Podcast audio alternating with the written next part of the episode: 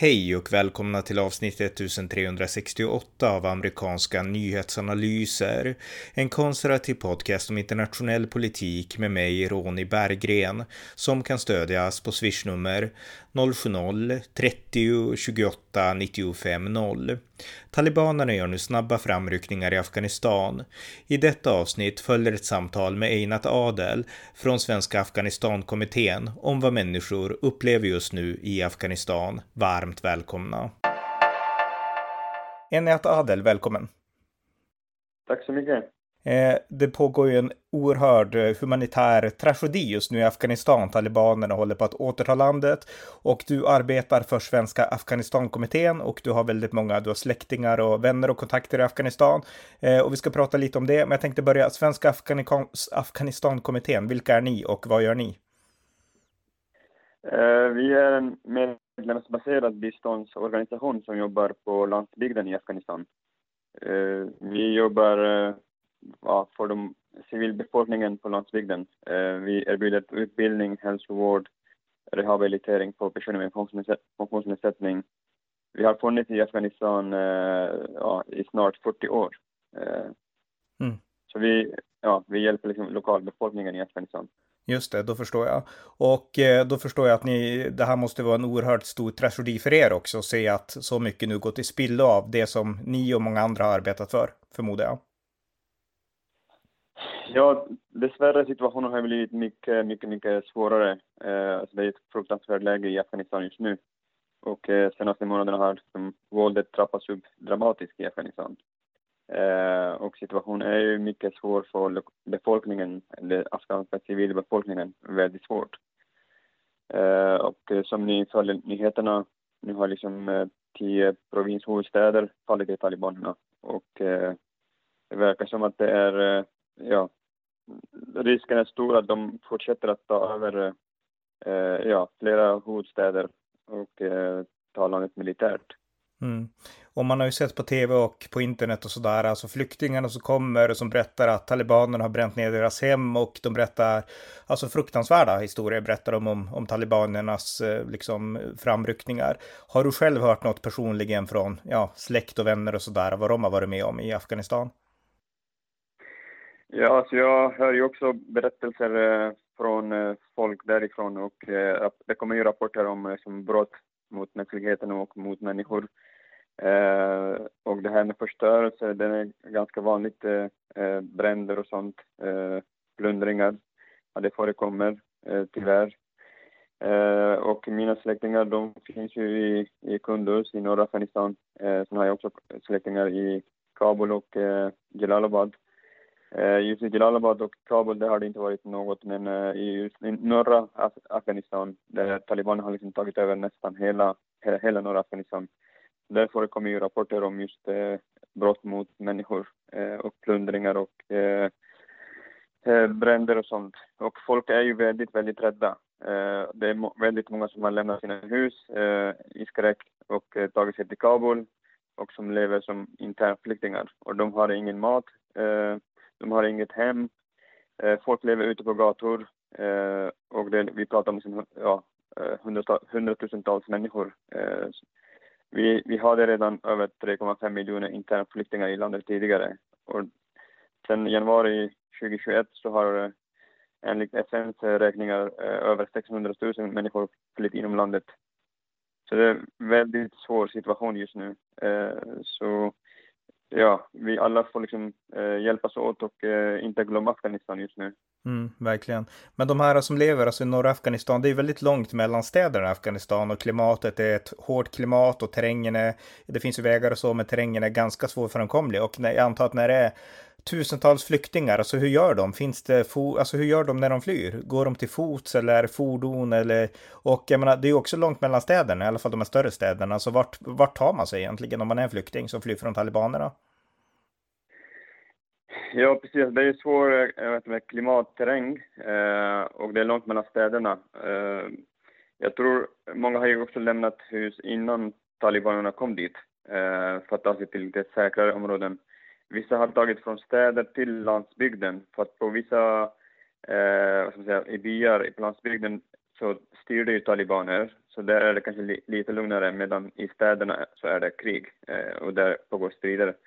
Och vissa har tagit sig till, ja, till Kabul och de som inte kan ta sig tyvärr, de finns kvar där, där de är. Till exempel min egen syster, de kunde inte ta sig till Kabul, de är kvar i Kunduz, de är fast. De kan mm. inte, hennes man har liksom lämnat Kunduz och hennes mans bror. Men hon och med sina barn, de är kvar i Kunduz och eh, ja, de är fast hemma. De kan inte gå ut och tyvärr.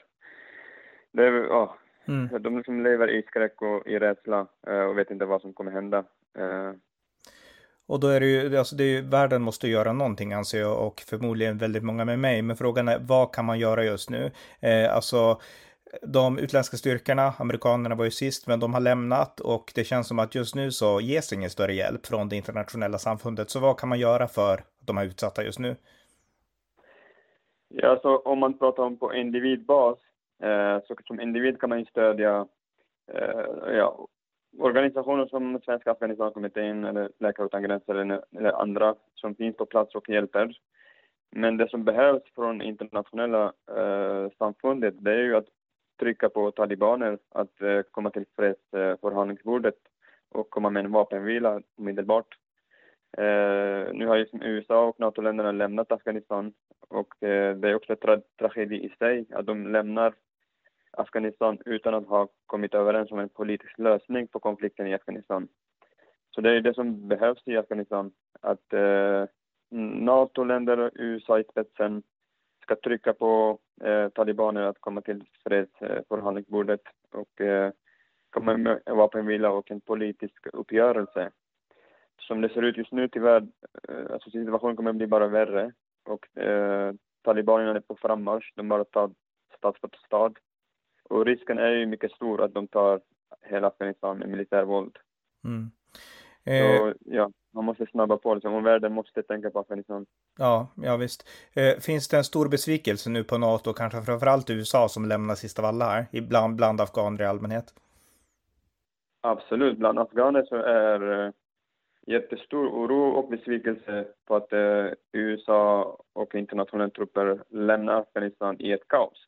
Mm. Eh, alltså det här är upprepning av samma scen som det var på 90-talet när Sovjet gick ur Afghanistan och så kom Mujahedin och tog över dåvarande regeringen störtades och sen kom det ju ja, Mujahedin inland och sen blev det inbördeskrig. Mm. Nästan samma scener upprepas idag.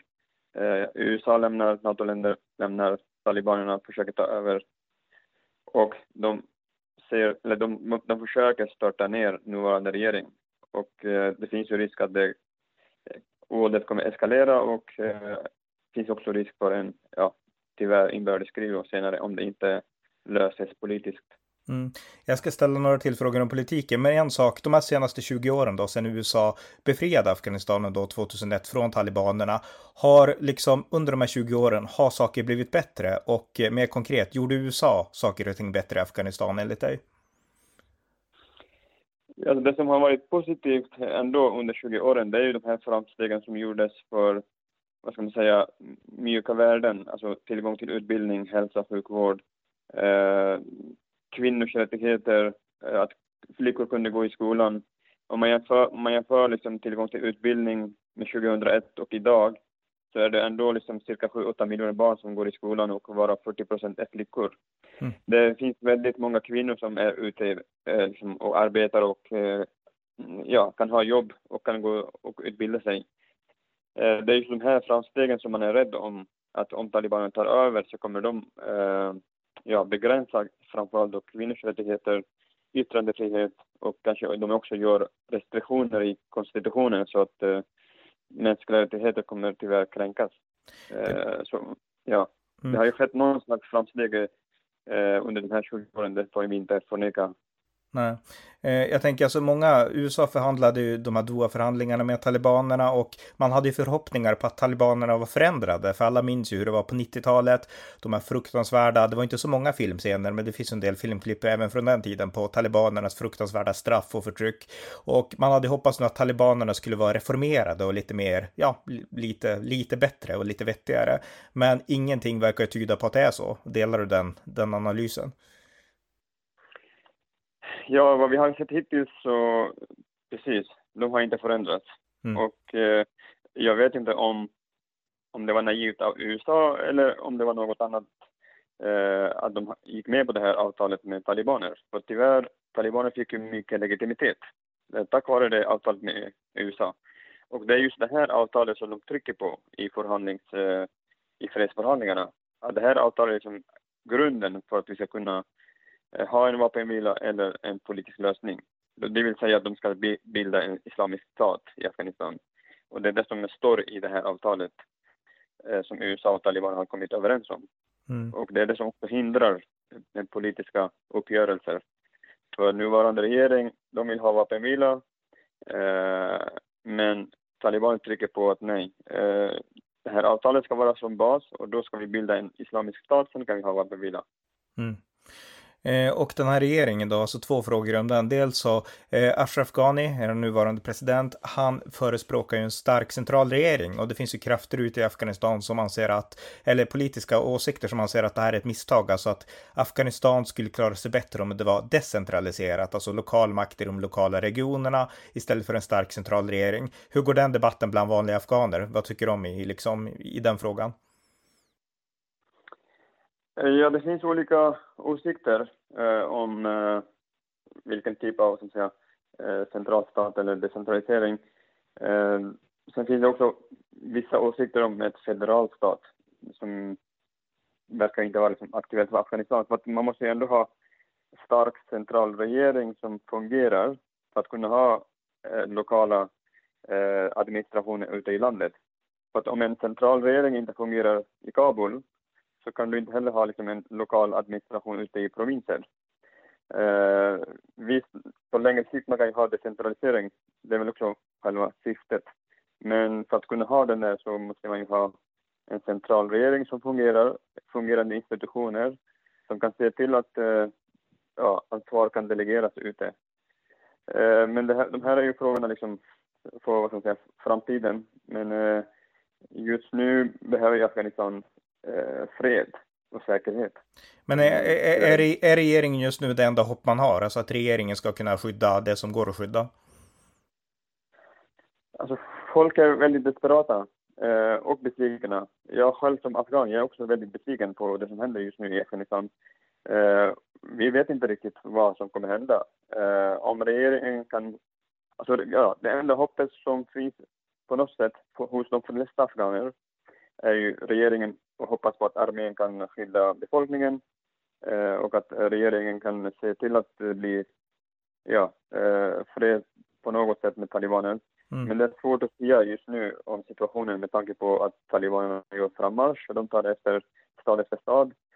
Eh, så det finns stor oro och besvikelse på att det har gått så fel. Mm.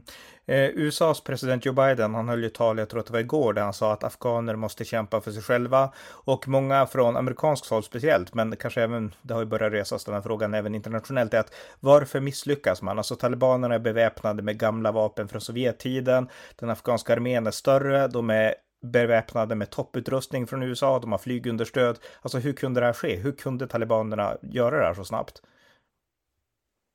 Ja, det är också en bra fråga.